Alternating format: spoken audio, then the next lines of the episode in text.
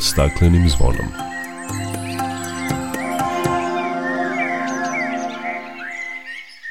Dobar dan i dobrodošli na Zeleni talas prvog programa radija Radio Televizije Vojvodine. Ja sam Dragana Ratković. S dolaskom proleća obeležili smo nekoliko važnih datuma u ekološkom kalendaru. Svetski dan šuma obeležen je 21. marta. Šume su sve ugroženije, ali ih je sve manje, takođe je poznato koliko su one korisne. Govorit ćemo o očuvanju i održivom korišćenju šuma kao i o stanju naših šuma i kako ih zaštititi. Samo dan kasnije, 22. marta, obeležen je Dan voda, a u sedištu Ujedinjenih nacija u Njujorku, nakon gotovo pola veka, održana je konferencija o vodi. Svet se nalazi pred ozbiljnim izazovom kako obezbediti pravo na čistu i zdravu vodu za piće u trenutku kada se procenjuje da 2 milijarde ljudi nema pristup bezbednoj vodi za piće i sanitarnu upotrebu. Govorit ćemo o globalnom stanju voda i ciljevima konferencije u Njujorku Njujorku i kakvu vodu piju građani Sremske Mitrovice. Biće reći i o kampanji WWF-a Sad za našu planetu, o izložbi posvećenoj vodi i klimatskim promenama. Ona čini glavni deo projekta Karavan za klimu koja je otvorena u Novom Sadu, a posvetit ćemo pažnju i Svetskom danu meteorologije koji je obeležen 23. marta, a čija je tema bila budućnost vremena, klime i vode kroz generacije. O svemu ovome više nakon pozdravne pesme. Dok priroda kraj nas plače Za vladarskim svojim tronom Tužno vele Pod staklenim nismo zvonom. Znaj vazduha više nema. Sve manje je i ozona. Protiv sebe ide čovek često bez pardona.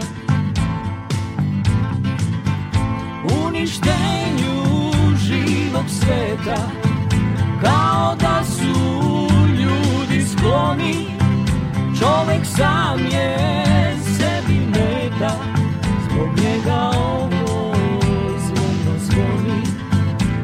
Uništenju živog sveta Kao da Człowiek sam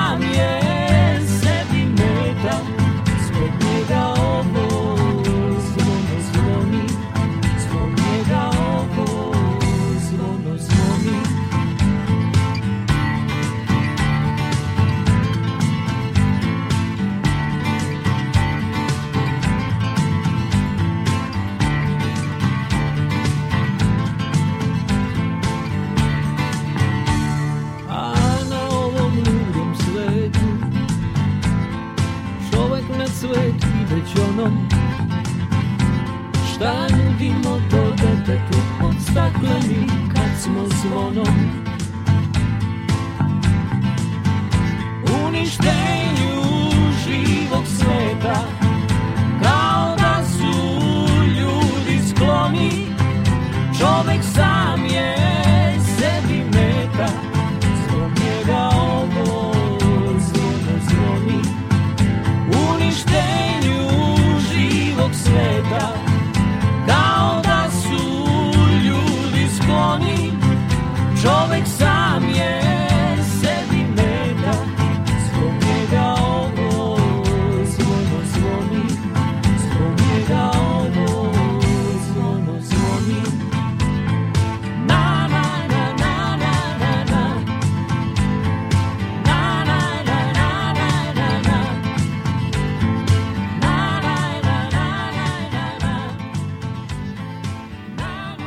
Svetski dan šuma obeležen je 21. marta.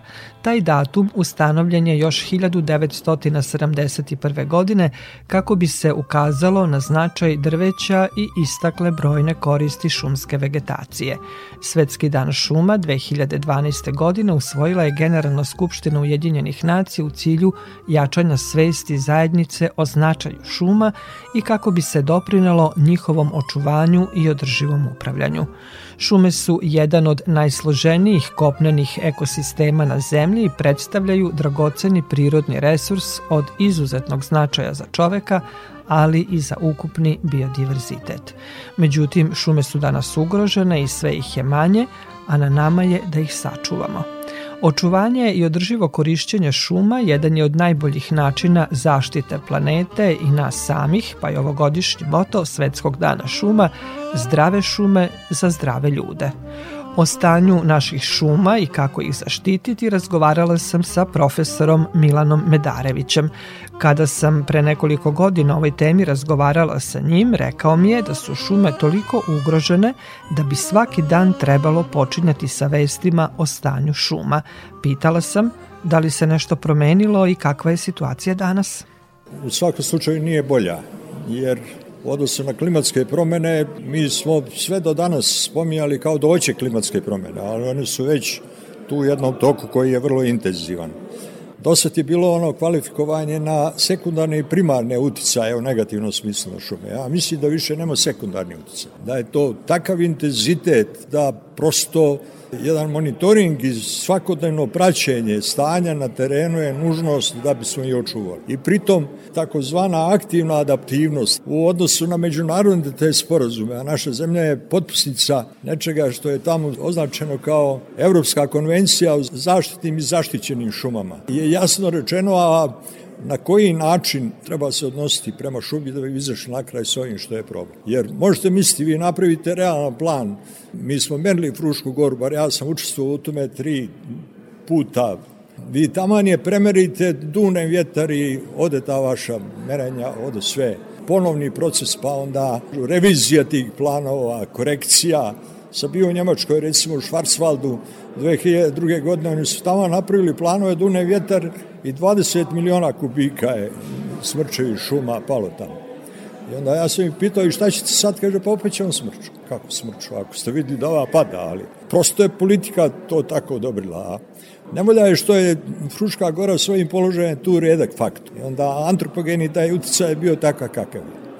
Ona je bukvalno spontano više korišćena nego planski. Mi smo analizirali sve te dokumente od početka, jer Fruška gora može se spomenuti slobodno u odnosu na istorijat planiranja gazdovanja šumova u pozitivnom smislu. Tu su počeli Anton du Sili, Francus je napravio prvi plan tamo negdje 1850. godine, ali tadašnja ta rešenja su išla sa što kraćim proizvodnim procesom. Znači, oni su bili snimili, što kažu, u odnosu na te trgovinske zahteve da drvo dimenzija negde 15-20 cm, a najbolje se prodaje tom seoskom stanovništvu, da im to odgovara, to je bio kratak proizvodni proces, tako da su brzo dolazili taj krug ekonomskog karaktera, on je bio kraći i to je dovelo do degradacije, jer to ponavljanje ono je zamenilo ono što je generativno poreklo, vegetativnim poreklom, zamenilo vrste drveća koje su odgovarale onom potencijalu iz ranijeg perioda i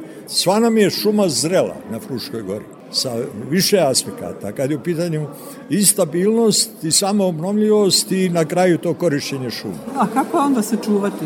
Jedno od rešenja je fragmentirano, znači da jednostavno da se oni pomire sa tim stepenom ugroženosti, da kažu pa možemo u odnosu na neko prosečno trajanje od 100-120 godina da godišnje koristimo toliko i toliko, ali u odnosu na stepen zaštite ima ono trostepeno što kažu rangiranje i to rangiranje je pomalo sumnjivo. Ono je nastalo struka koje se malo razumiju to jer prema Sevilskoj toj konvenciji rečeno je prvi stepen zaštite, on je centralna vrednost za proglašenje zaštićenog prirodnog dobra. Drugi stepen ne bi smio da bude dislociran, segregiran u odnosu na taj prvi, nego je on u okruženju ovoga i on je jedna zona na kojoj se širi ovaj prvi stepen. A ovo ostalo je zasad zaštitnog karaktera s tim što u dogledno vremenu i ono bi trebalo da zauzme tu neku značajniju onako ulogu kad je u pitanju zaštita. Kod nas je to po jednom onako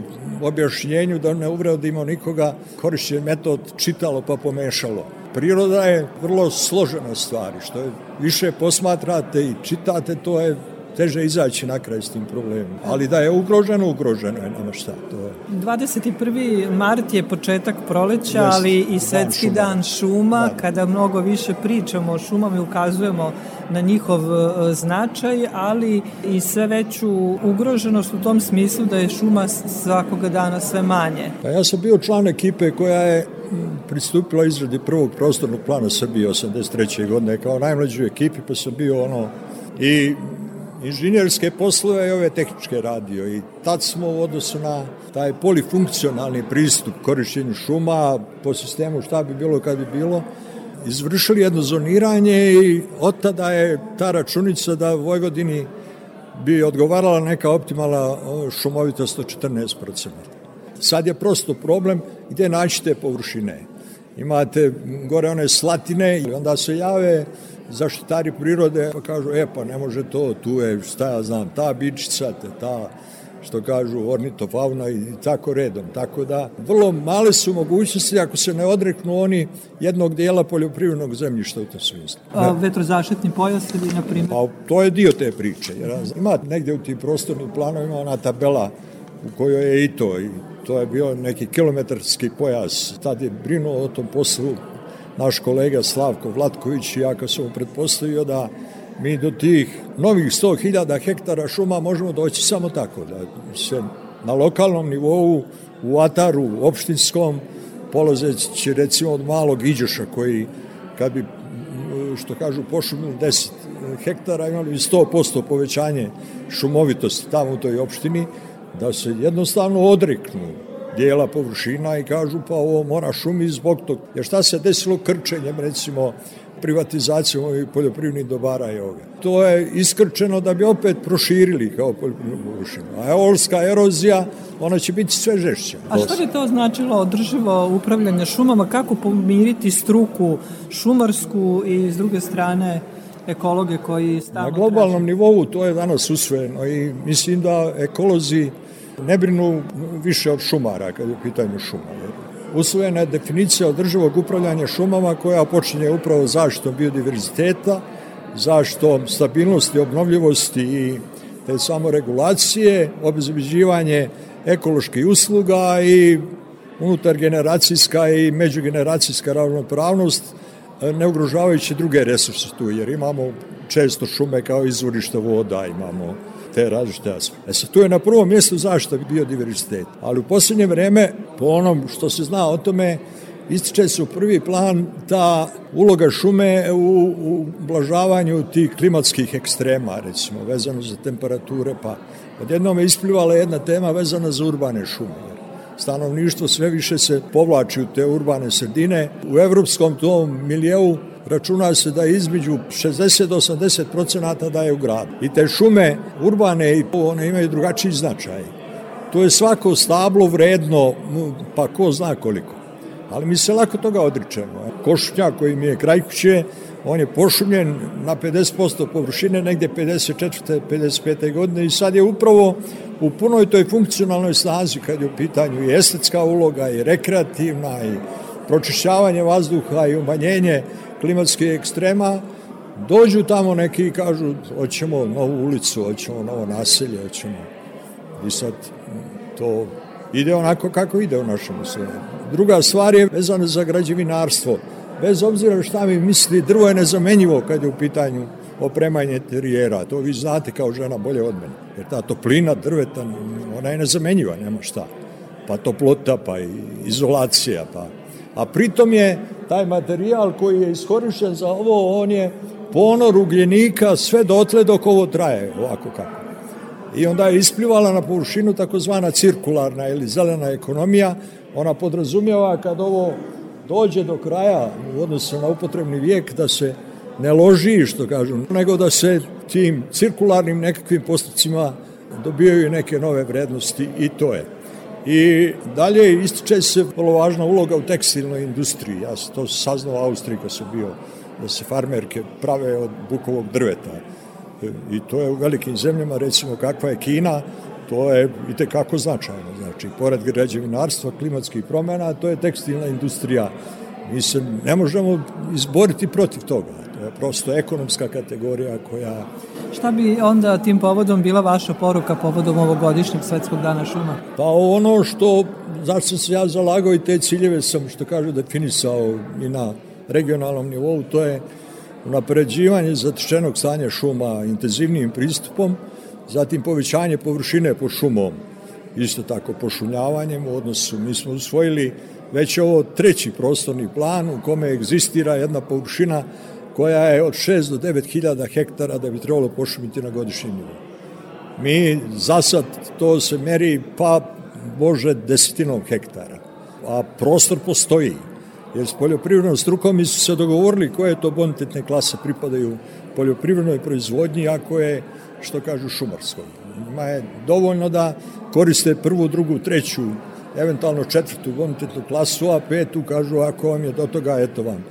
I monitoring, odnosno ta preventiva praćenja zatečenog stanja, ona je nešto što je sad u ovim planovima u kojima sam učestvovao u posljednje vreme uvijek kao prvi cilj ističemo zaštita šuma, a lako ćemo iskoristiti ako imamo. Ako nemamo, onda nemate problema.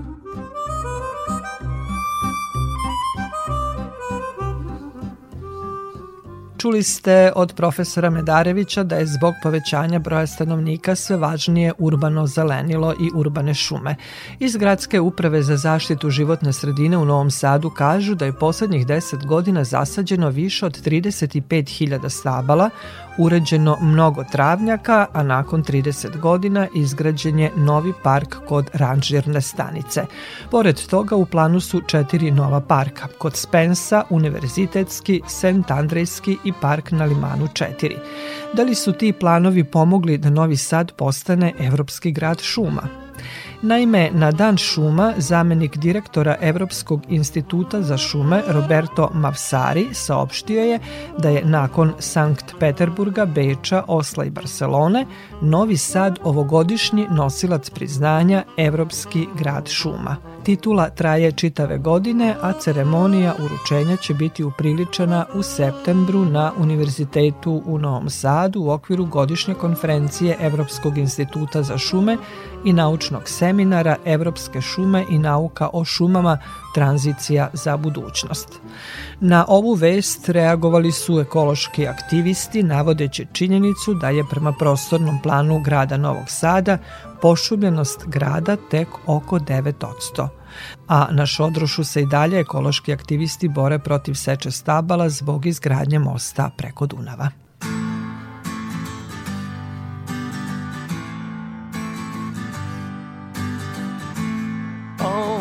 Child, only son Treated like a criminal ever since day one only child, where do you go? And are you coming back again? Cause no one wants to know.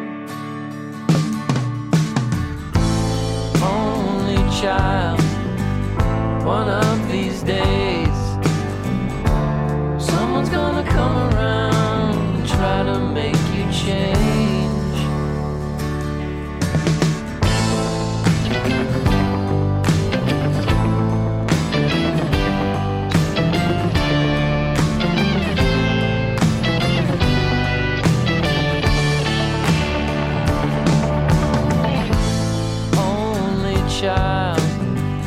Sensitive soul.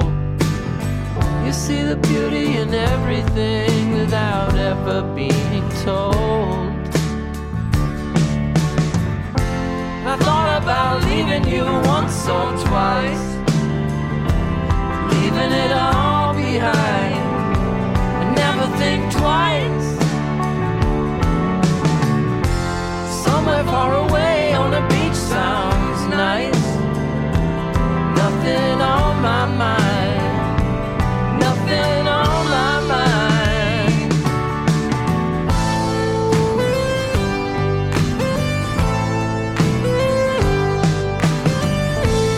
Only child, the prodigal son, has come back home again to get his laundry done.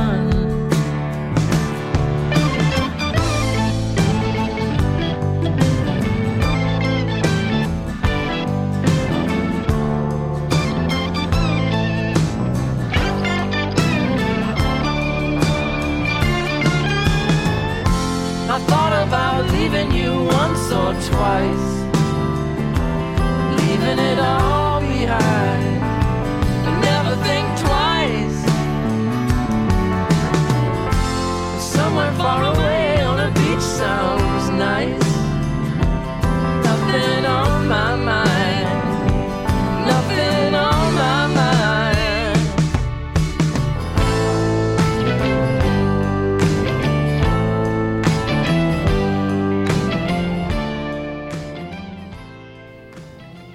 Slušate emisiju pod staklenim zvonom.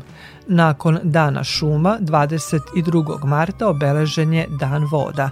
Posmatrano iz daleka, zemlja je uglavnom vodena. Tek 29% njene površine čini kopno, a čak 71% voda i zato je zovemo plavom planetom. Najviše je vode u okeanima i morima, ali vode ima i zamrznute na polovima i u glečerima, ima je u rekama, jezerima, močvarama, zatim u zemlji i u atmosferi. Velike količine vode nalaze se ispod zemlje. To su podzemne vode koje su uglavnom slatke. Problem je što su njihove zalihe uglavnom nedostupne za eksploataciju. Prema podacima Svetske zdravstvene organizacije, svaki četvrti stanovnik na planeti nema pristup bezbednoj vodi za piće, dok polovina svetske populacije nema ispravne sanitarne uslove. Baš zato je i trend nestašice vode jedan od ozbiljnijih problema današnjice koji treba hitno rešavati. Na dan voda u sedištu Ujedinjenih nacija u Njujorku od 22. do 24. marta održana je konferencija Ujedinjenih nacija o vodi. Vode su sve ugroženije raznim zagađenjima, prekomernom eksploatacijom, ekosistemi koji obezbeđuju vodu nestaju, a sve veći uticaj na vodne resurse imaju i klimatske promene. O globalnom stanju voda i ciljevima konferencije u Njorku razgovaram sa Žaklinom Živković iz inicijative Pravo na vodu, čija predstavnica je učestvovala na konferenciji u Njujorku. Žaklina, dobar dan i dobrodošli na Talase Radio Novog Sada. Dobar dan. Primarni cilj konferencije je podizanje svijesti o globalnoj krizi vode koje je zaista ozbiljno. Vi ste naveli najdramatičnije podatke, ideje da se usaglase aktivnosti koje će doprinati ostvarenju međunarodno dogovorenih ciljeva u vezi sa vodama, uključujući i one sadržane u agendi za održivi razvoj 2023. Nažalost, podaci su prilično poražavajući, promene se dešavaju vrlo sporo, a situacija je sve dramatičnija. Procenjuje se da će do 2030. godine čak 5 milijardi ljudi na planeti imati povremeno ili stalno ograničen pristup pijećoj vodi. Sve ovo se dešava i u Srbiji, nije to nešto što samo čitamo i gledamo u medijima. Nažalost, čak milion ljudi u Srbiji povremeno ili stalno nema pristup čistoj pijećoj vodi klimatske promene koje ste pomenuli su sve gore. Prošle godine smo imali restrikcije vode u čak 23 lokalne samuprave zbog velikih suša i neophodna je zaista odlučna akcija. Neka preporuka stručnjaka, organizacije civilnog društva u jedinim nacijama biće da se ovi ciljevi nekako povećaju, da se ambicija poveća i da se akcija čak četiri puta ubrza u odnosu na neke prethodno postavljene ciljeve u međunarodnoj dekadi akcije. Pokreti i inicijative koje deluju u domenu prava na vodu udružili su se u Narodni forum o vodi i pre same konferencije Ujedinjenih nacija na Narodnom forumu je proglašen manifest vodne pravde. Šta sadrži taj manifest? Manifest vodne pravde je dokument koje su e, organizacije aktivisti kupljeni u Narodnom pokretu za vodu sastavili. On je neka forma apela. Traži se da se dostupnost vode i sanitarno-higijenskih uslova proglasi osnovnim ljudskim pravom, što je negde i standard Ujedinjenih nacija. Nažalost, najveći broj država nije usvojio taj standard i pijećoj vodi i sanitarno higijenskim uslova nije priznat kao ljudsko pravo. Takođe se traži da se voda posmatra kao zajedničko dobro i bude dostupna svima bez diskriminacije, da bude pod javnom upravom, a da se ne posmatra kao roba. Takođe se traži da se implementira standard integralnog upravljanja vodama i da se korišćenje vode za lične potrebe i potrebe domaćinstva, uključujući higijensku namenu, prioritizuju u odnosu na korišćenje vode u privredi, kao što je industrijska proizvodnja, poljoprivreda, rodarstvo. Takođe se traži da se poveća ambicija u oblasti zaštite prirode, državog upravljanja rekama, jezerama, močvarama. Postoji podatak da čak 80% svetskih vlažnih staništa uništeno, što ima ogroman uticaj i na očuvanje vode za piće. Tako da postoji tu nekih e, čak 10 različitih zahteva koje je potpisalo čak 300 organizacija i inicijativa širom sveta. Iz Srbije su to osim prava na vodu i nekih 10 e, ekoloških organizacija. Mi smo smatrali da je važno da, da se pridružimo ovome i da, da zajednički pošaljamo poruku da moramo da se, prvenstveno da se angažujemo, da budemo aktivni i da se borimo za naše pravo na vodu. Bilo je jako teško uključiti se jer je učešće na, na samoj konferenciji bilo zatvoreno za ekološke organizacije i inicijative. Data je prednost donosiocima odluka i privredi, što takođe osuđujemo jer glas građana je jednako važan kao glas privrede. Šaklina, hvala vam lepo za razgovor i učešću u programu Radio Novog Sada i pravo je možda vreme da se ukaže još jednom na naš neodgovoran odnos prema vodi i da moramo učiniti više napora, moramo to raditi mnogo brže ukoliko želimo da sačuvamo ovaj prirodni resurs. Hvala vam još jednom. Hvala vama, do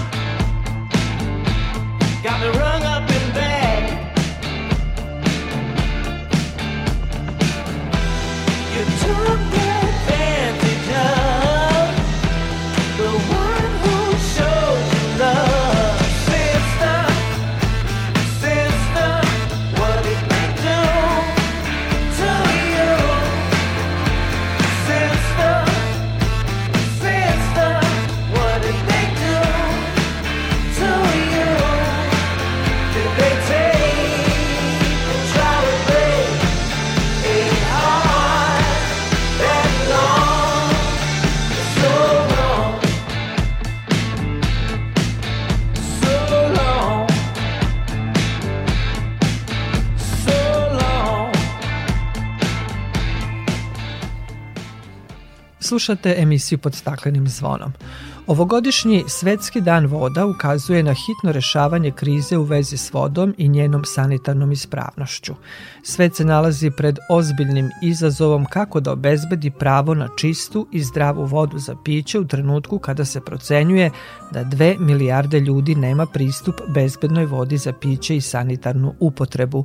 O ovoj i drugim temama razgovaram sa Aleksandrom Ugarković iz kancelarije WWF Adria u Beogradu.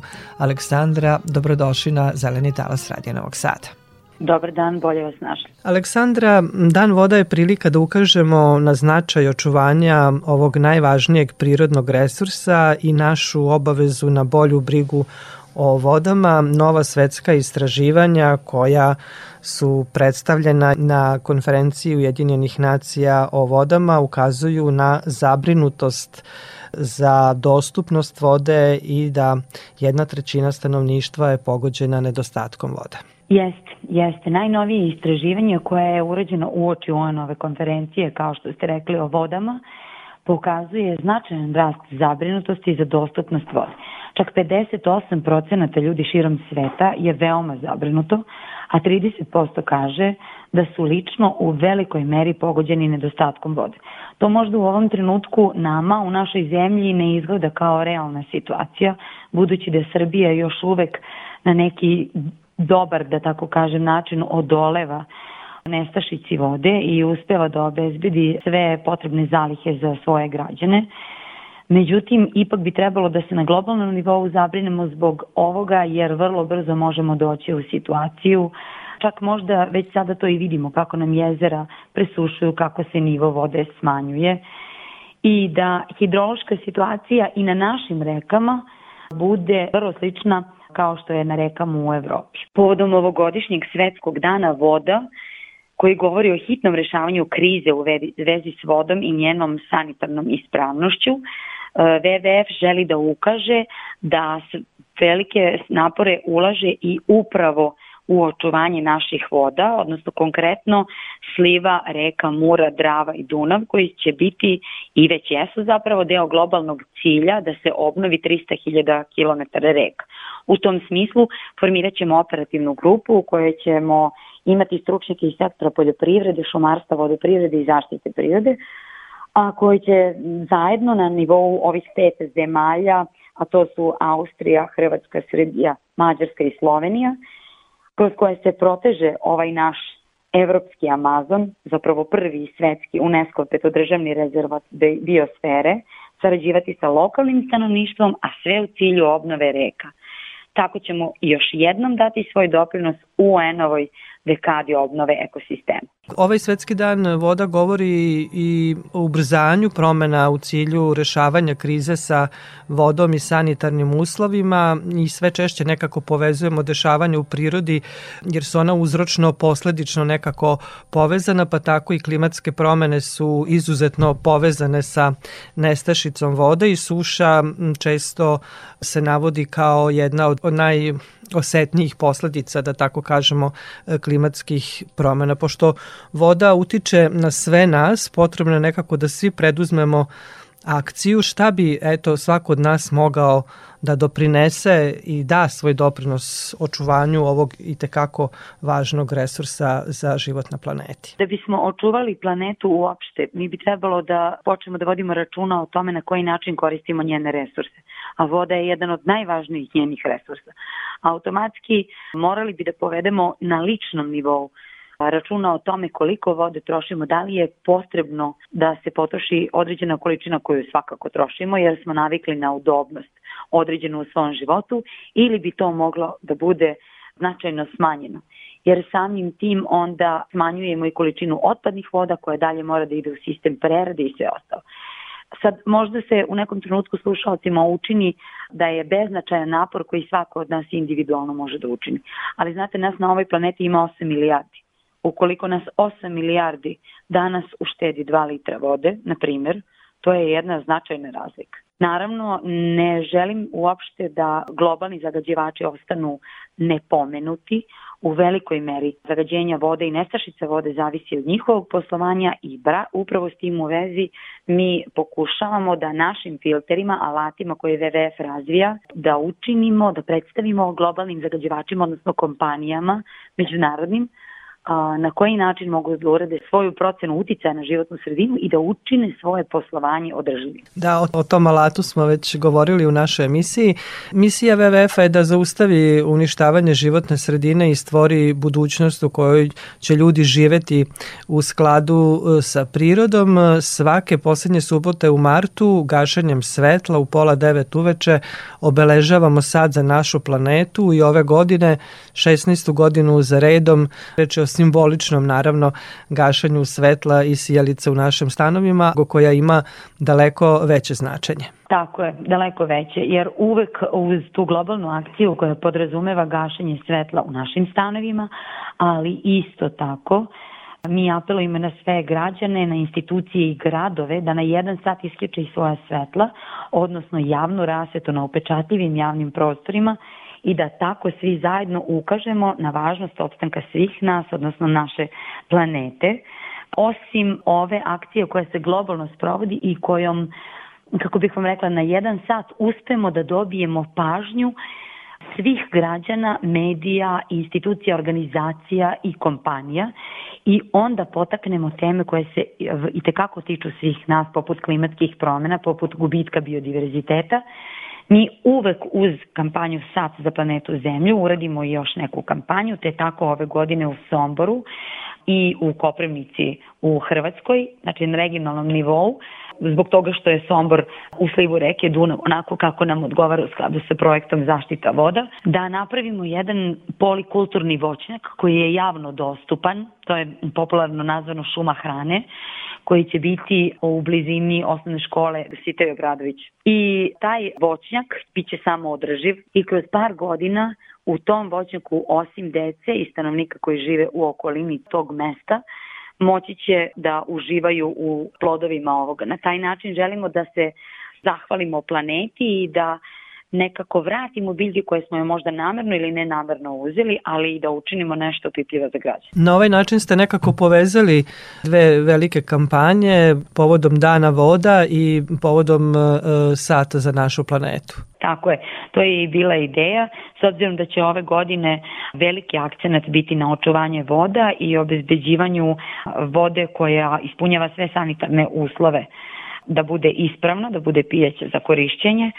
Želimo samo prosto da povežemo, da ukažemo na značaj očuvanja voda i na taj način i u sklopu toga i akciju Sata za planetu Zemlju, odnosno želimo da u to uključimo i taj jedan polikulturni voćak. Na taj način ćete i podstaći građane možda da više razmišljaju o svom okruženju, o našoj planeti, a može svako od nas i pojedinačno da svoj doprinos za spas planete.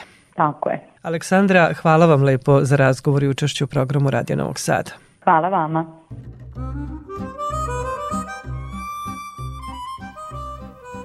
U nastavku priče o vodi govorimo i o vodi za piće, kakvu vodu piju građani Sremske Mitrovice. Prema rečima direktora javnog preduzeća Vodovod Sremska Mitrovica Borislava Babića, građani Sremske Mitrovice piju jednu od najčistijih i najkvalitetnijih voda u Vojvodini i Srbiji. O tome više Jovana Stupar. Građanima Sremske Mitrovice i naseljenih mesta voda zdrava i pitka je dostupna 24 sata svih 365 dana u godini. Oni su zadovoljni kvalitetom dostupne gradske vode i njenom distribucijom. Ja sam generalno zadovoljan kvalitetom ali činjenica je da vodni resursi su jedni od najvrednijih i da svakako moramo poraditi na tome da se bolje čuvaju. Ja lično sam zadovoljna sa našom gradskom vodom, a čuvati pa normalno, prvo ne treba je puštati da teče niš česmu kad peremo zube, kad nešto radimo, tu treba uvek malo gledati, uštedeti. A naročito mi je žao kad vidim da puno plastičnih flaša pluta savom. Pa mislim da ovaj, dok što se tiče distribucije kvaliteta, mogu reći da sam zadovoljan, a čuvanje vode to svako od nas bi trebao da povede računa. Kako bi se obezbedila zdrava i ispravna voda, pre svega za piće, ali i tehnička voda za svakodnevnu upotrebu, voda Sremsko-Mitrovačkog vodovoda kontroliše se u laboratorijama u vodovodu, ali prolazi i kroz analize Regionalnog zavoda za javno zdravlje. Rekla je doktorka Tatjana Rogulja Orelj, specijalista higijene Zavoda za javno zdravlje Sremska Mitrovica.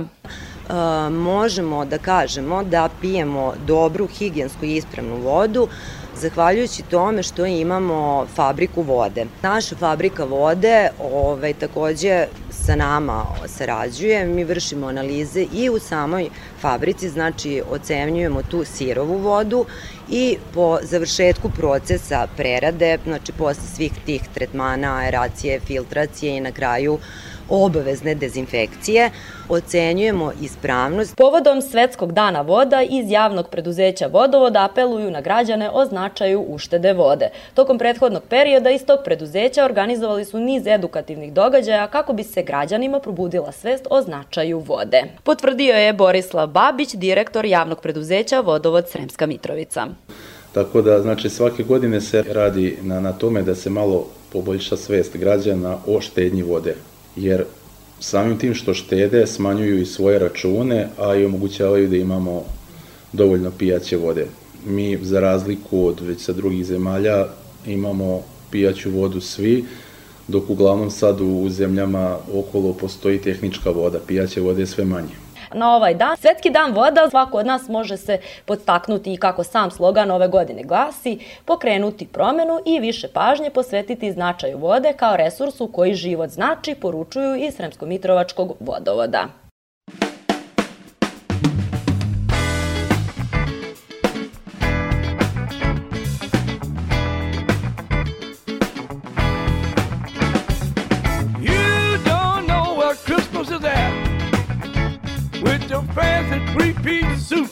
And your shiny high heel shoes. You don't know what is about. When you see someone in need, you ought to get down on your knees. You don't know hey, what hey, hey.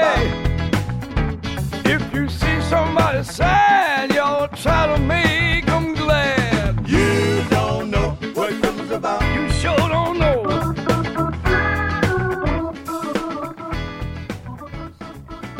Slušate emisiju pod staklenim zvonom. I dalje govorimo o događajima koji su upriličani povodom Svetskog dana voda.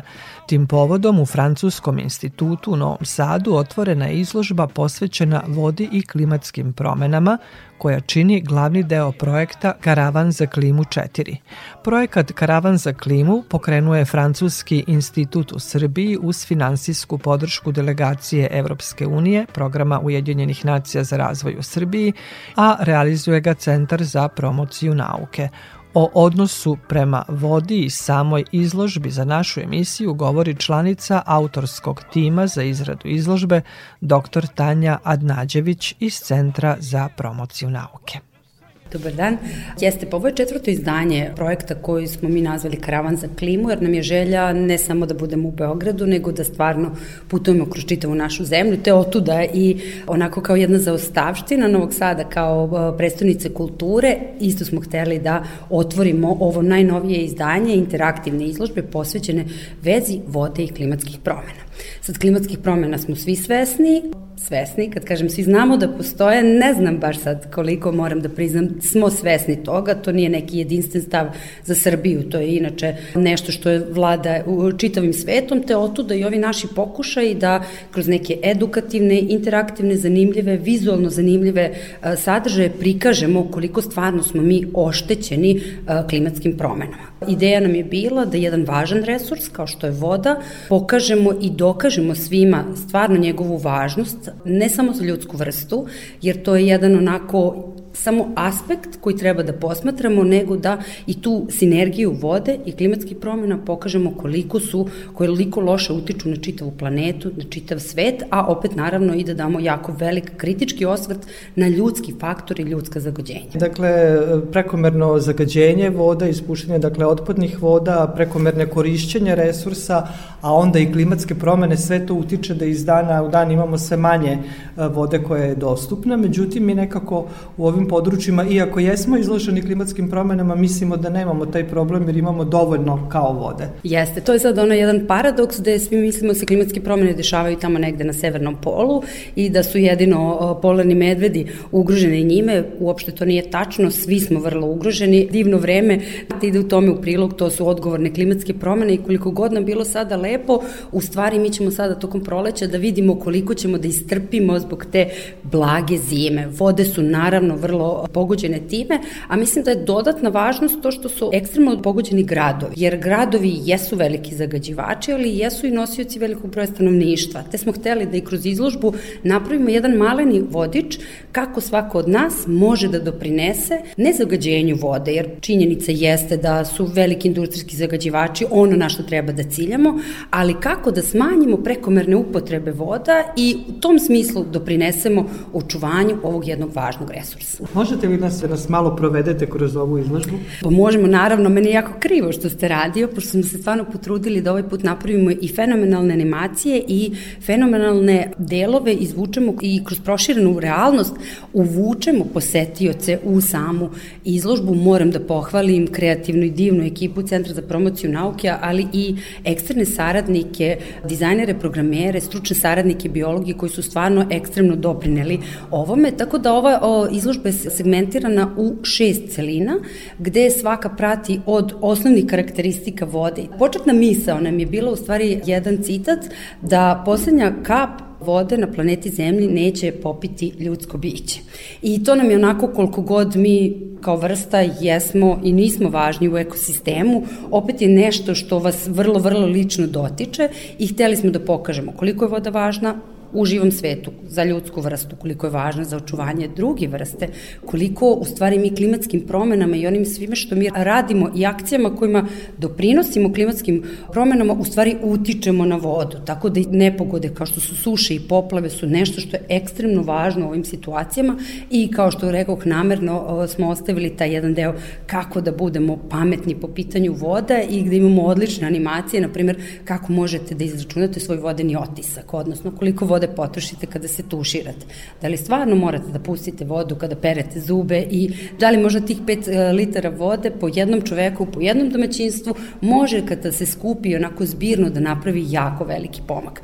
Tu smo napravili nekakve dodatke gde smo sakupili baš zagađivače iz reka i aplicirali ih u samu izložbu i nekako hajde da vas malo još i ostavimo u neznanju da neke stvari sami dođete u Francuski institut u naredne dve nedelje i da sami pogledate i uživate. Hvala vam najlepše na ovoj divnom predstavljanju izložbe i mislim da će to privući naše slušalce da zaista dođu i pogledaju ovu izložbu. Hvala još jednom. Hvala vama i svi ste dobrodošli. U predstavljanju projekta Karavan za klimu i izložbe o vodi i klimatskim promenama kroz Srbiju učestvovaće i Udruženje ambasadori održivog razvoja i životne sredine kroz svoju mrežu ekoškola. A u nastavku o još jednom projektu koji je nastao u saradnji škole sa Centrom za promociju nauke. Projekat interesantnog naziva Hotel kod Save za pčele, bube i mrave, Kikinske osnovne škole Sveti Sava, pobednik je nacionalnog takmičenja Sea Ecosystem Challenge Centra za promociju nauke. Njihova ideja o zelenom zidu na fasadi škole koji bi trebalo da doprinese smanjenju efekta globalnog zagrevanja izabrana je za najbolju, a sada je i škola nagrađena. Više detalja Lidija Vukičević.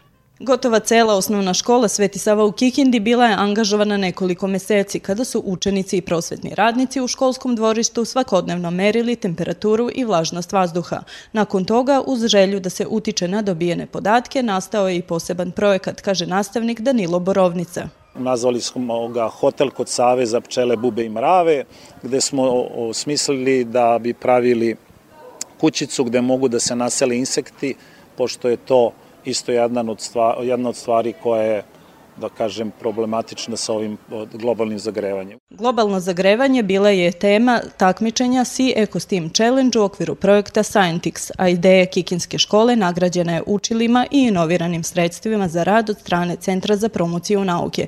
Konkretno rešenje škole Sveti Sava objašnjava Dobrivoje Lale Erić iz centra, pokazuje smer u kojem bi trebalo ići kada je ekologija u pitanju. Odnosno neku vrstu e, prilagođavanja biodiverziteta na izmenjene uslove na način kako bi se školsko dvorište oživelo novim i biljnim i pre svega životinskim vrstama kako bi se napravio jedan insektarijum koji će pomoći razumevanju procesa, podršci, učenju, povezivanju nastavnika iz više predmeta, iz više tema, sa naravno kontekstom klimatske promene. Ideja bi trebalo da dobije i svoj prirodni nastavak, što posebno raduje sve u školi, nadovezao se nastavnik Miroslav Grujić. Nastavak ovog projekta je, tako reći, u njegovoj realizaciji, pošto smo od lokalne samouprave dobili podršku da će nam pomoći da se taj jedan zeleni zid koji smo u projektu i osmislili ostvari već ove kalendarske godina. Projekat Kikinske škole predstavljen je na Međunarodnom skupu u Šibeniku. Osim četiri škole iz Srbije, o klimatskoj realnosti projekte su stvarali đaci i nastavnici iz Hrvatske i Bosne i Hercegovine.